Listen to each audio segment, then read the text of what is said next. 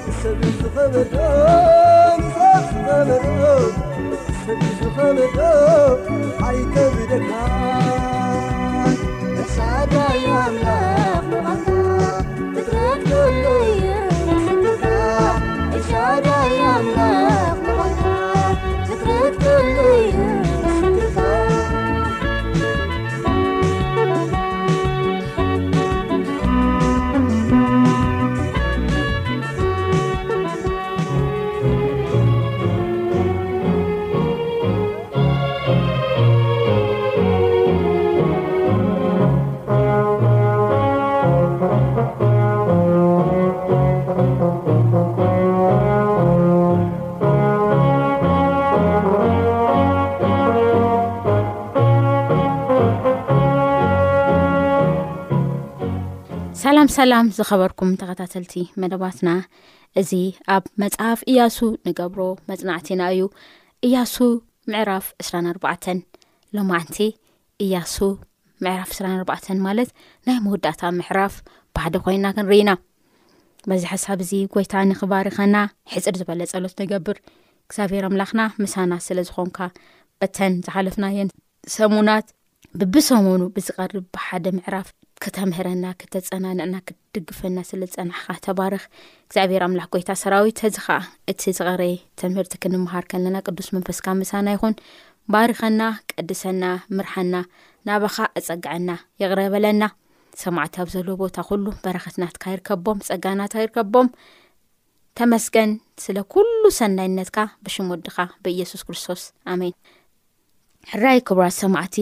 ሎማዓንቲ ናይ እያሱ ምዕራፍ 24 ብሓባር ኮይና ክነንብብ ኢና እግዚኣብሔር ኣምላክ ካብኡ ዘምህረና ነገር ን ሃቢርና ክንርኢና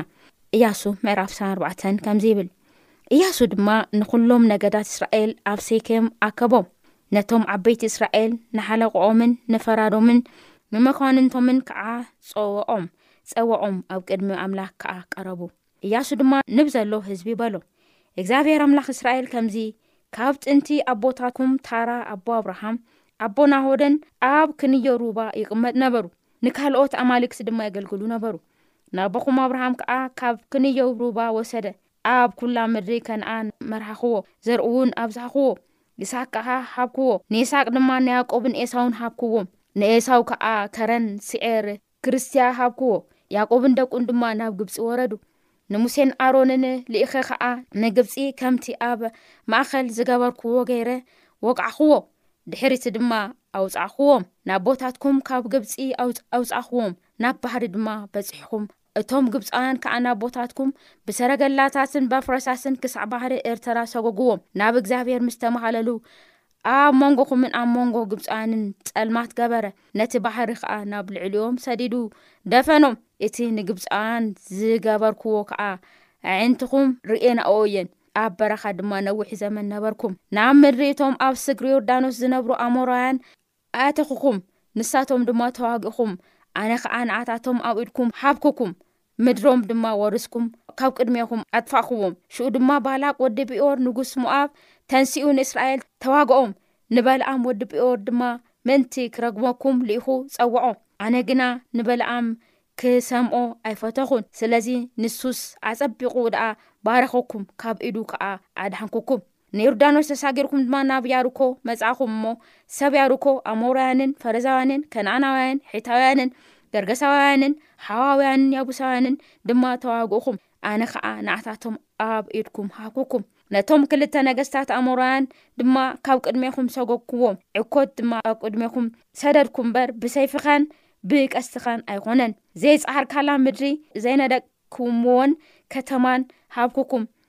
ኣብኣን ከኣ ትነብሩ ኣሎኹም። ካብ ዘይተኸልኩሞም ወይንታትን ኣዋልዕን ድማ ትበልዑ ኣሎኹም። ሕጂ ኸኣ ንእግዚኣብሄር ፍርህዎ፣ ብፍጽምናን ብእምነትን ኣገልግልዎ፣ ነቶም ኣብ ክንዮ ሩባ ኣብ ግብጽን ኣቦታትኩም ዘገልግልዎም ዝነበሩ ኣማልክቲ ኣግልስዎም፣ ንእግዚኣብሄር ድማ ኣገልግልዎ። ንእግዚኣብሄር ምግልጋል ክፉእ ኰይኑ እንተ ተራእየኩምሲ፣ ንመን ከም እተገልግሉ፣ ነቶም ኣቦታትኩም ኣብ ክንዮ ርባ ዘገልግልዎም ዝነበሩ ኣማልክቲ ወይ ኣማልክቲ ናይቶም ንስኻትኩም ኣብ ምድሮም እትነብሩ ዘለኹም ኣሞራውያን ሎሚ ሕረዩ፣ ኣነን ቤተይን ግና ንእግዚኣብሄር ኢና እነገልግል። ሽዑ እቲ ሕዝቢ መለሰ በለውን፣ እቲ ንኣናን ኣቦታትናን ካብ ምድሪ ግብጺ ካብ ቤት ባርነት ዘደየበና፣ እዚ ዓበይቲ ተኣምራት እዚ ኸኣ ኣብ ቅድሚ ኣዒንትና ዝገበረ፣ ኣብ ኩሉ ዝኸድናዮ መንገድን ኣብቶም ብማእኸሎም ዝሓለፍናዮ ኩሎም ህዝብታት ዝሓለወና ንሱ እግዚኣብሔር ኣምላኽና እዩ እሞ ንእግዚኣብሔር ሓዲግና ንካልኦት ኣማልክቲ ምግልጋልሲ ካባና ይርሓቕ እግዚኣብሔር ነዞም ህዝብታት እዚኦም ኩሎም ነቶም ኣብዚ ሃገር ዝነብሩ ኣሞራውያን ካብ ቅድሜና ሰጉግዎም እዩ እሞ ንሱ ኣምላኽና እዩ እሞ ንሕና ከዓ ንእግዚኣብሔር ነገልግሎም እያሱ ድማ ነቲ ህዝቢ በለ፣ ንሱ ቅዱስ ኣምላኽ እዩ፣ ንሱ ኸኣ ቀናኢ ኣምላኽ እዩ፣ ኣበሳኹምን ሓጢኣትኩምን ኣይሃድገልኩምን እዩ እሞ፣ ንእግዚኣብሄር ከተገልግልዎ ኣይትኽእሉን፣ ንእግዚኣብሄር ሃዲግኩም ንጓኖት ኣማልክቲ ድማ እንተ ኣገልግልኩም፣ ንሱ ድሒር እቲ ጽቡቕ ምስ ገበረልኩም ከኣ መሊሱ ክፉእ ክገብረልኩምን ክውድኣኹምን እዩ። እቲ ህዝቢ ድማ ንእያሱ ኣይፋልናን፣ ንእግዚኣብሄር ደኣ ነገልግል በለ።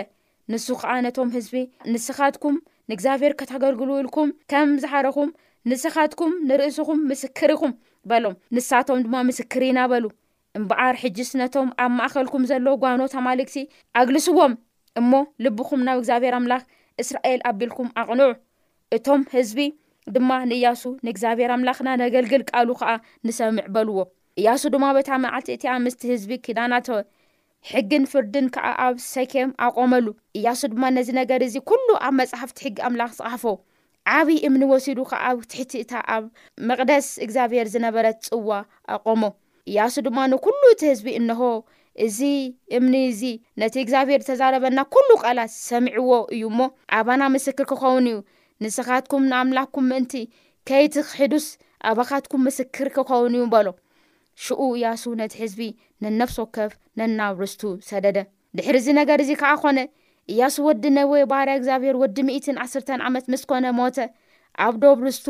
ኣብ ከረን ኤፍሬም ኣብታ ኣብ ሰሜን ከረን ገዓሽ ዘላ ቲምና ሴራህ ድማ ቀበርዎ። እስራኤል ከኣ ብኹሉ ዘመን እያሱን ብኹሉ ዘመን እቶም ብድሕሪ እያሱ ነዊሕ ዝጸንሑ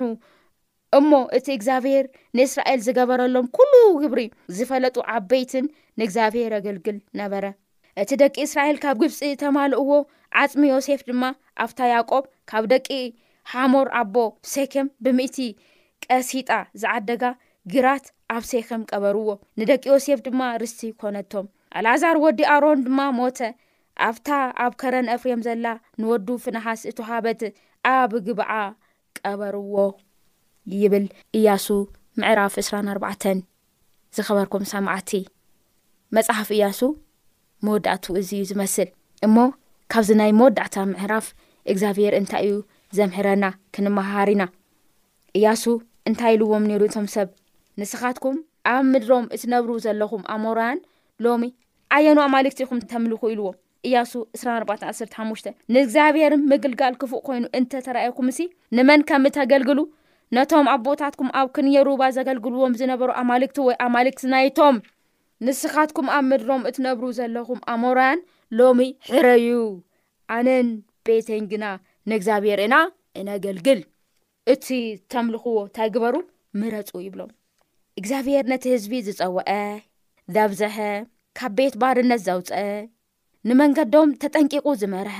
ኣብ መወዳእታ ከዓ ነቲ ርስቶም ተዋጊኡ ዘውረሰ ኣምላኽ እዩ ሴኬም ዝብል ሓሳብ ኣውዚ ኣንቢብና ነርና ሴኬም እግዚኣብሄር ንመጀመርታ ግዜ ንኣብርሃም ናይ ተስፋ ቃል ዝሃቦ ቦታ እዩ እዚ ኣብ ዘፍጥረት ዓሰርተ ክልተ ካብ ሽዱሽተ ጀሚርና ንርኢ ያዕቆብ ድሕሪ ኣብርሃም፣ ያዕቆብ ኣብቲ ቦታ እሱ መሰውኢ ሰርሑ ነይሩ። ዘፍጥረት ሰላሳን ሰለስተን ዕስራ እዚ ይነግረና። እሞ ኣብዚ ቦታ እዚ እዩ እያሱ ነዚ ህዝቢ እዚ ቃል ኪዳኑ ንክሕድስ ጻውዒት ኣቕሪቡ። ነቲ ጻውዒት ከኣ ከዘኻኽሮም ከሎ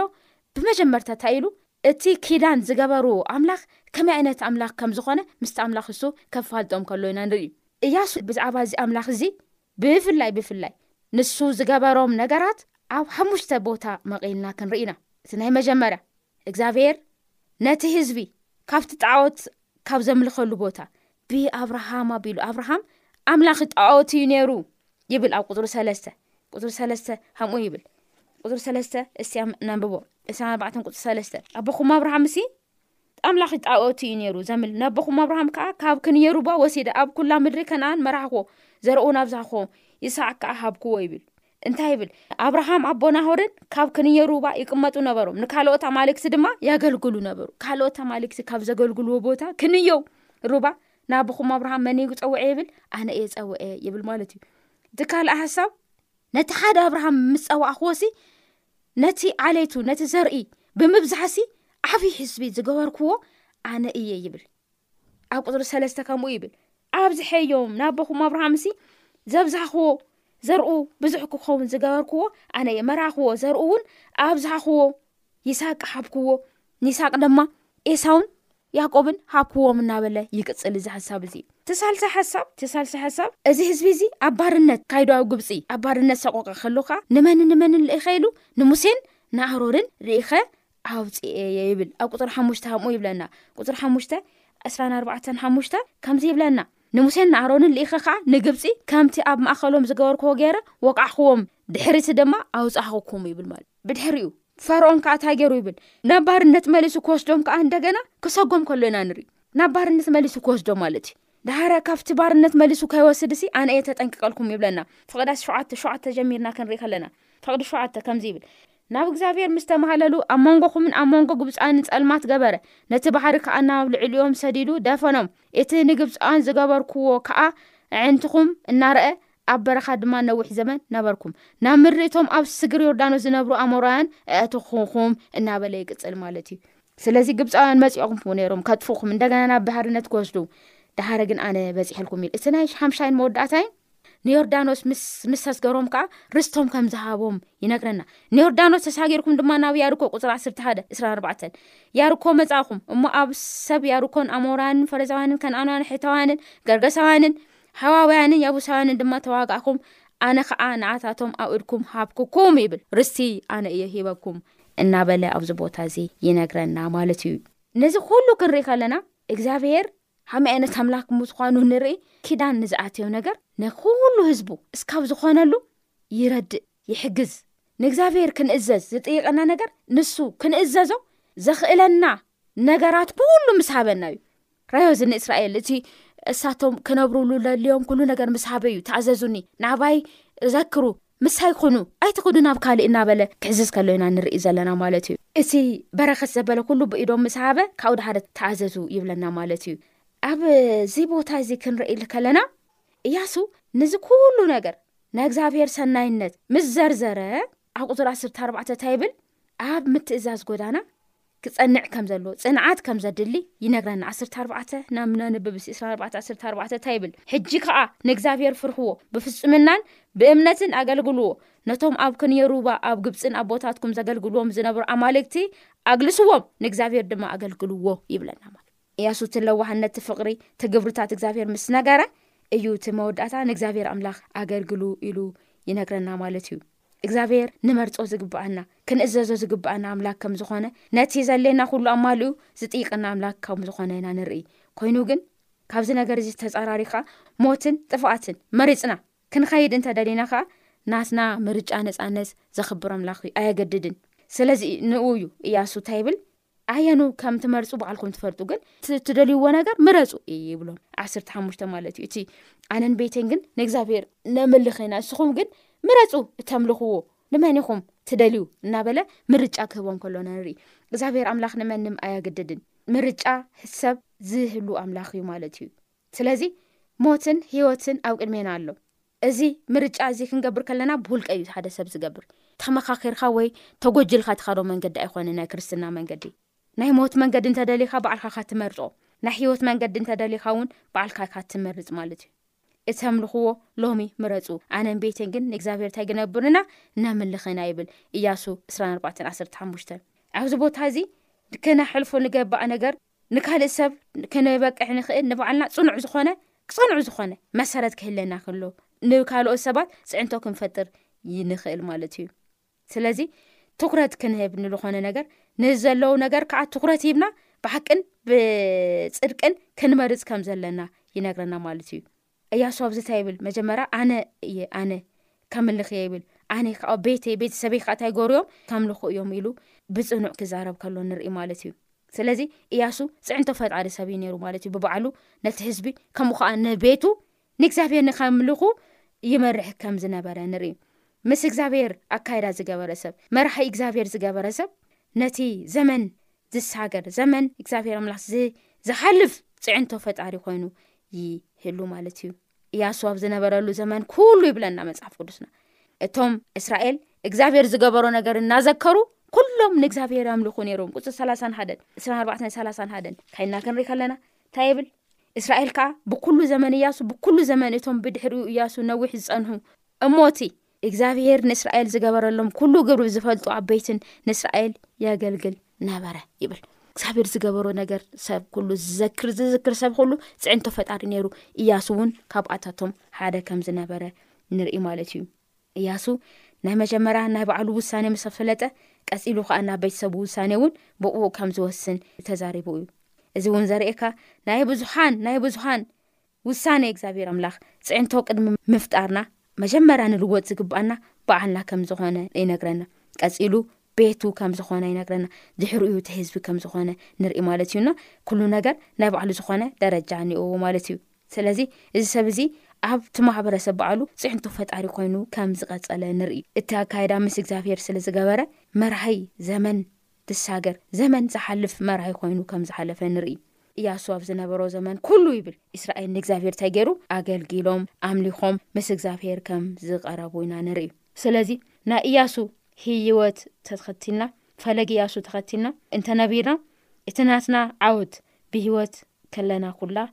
ብህይወት ጥራሕ ዝውሰን እንተዘይኮነስ እንተሞትና ወላስ እቲ ግብርታትና ልዕሊ መቃብር ኮይኑ ይቅፅል እዩ ማለት እዩ ስለዚ ከምዚ እያሱ ሎሚ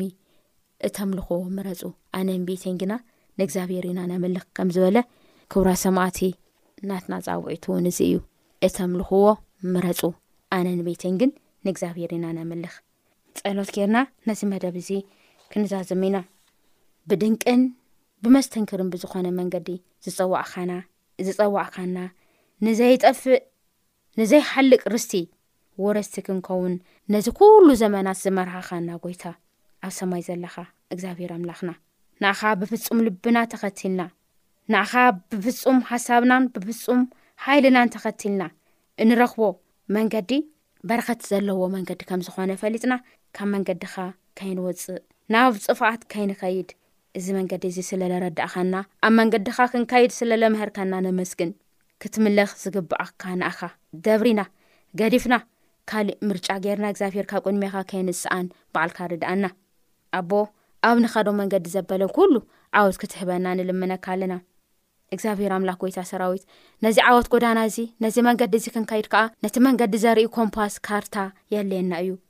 እሞ ነዚ ኩሉ መንገዲ ክንከይድ ከለና ቃልካ ኣብ ልብና ክንስውር ርድኣና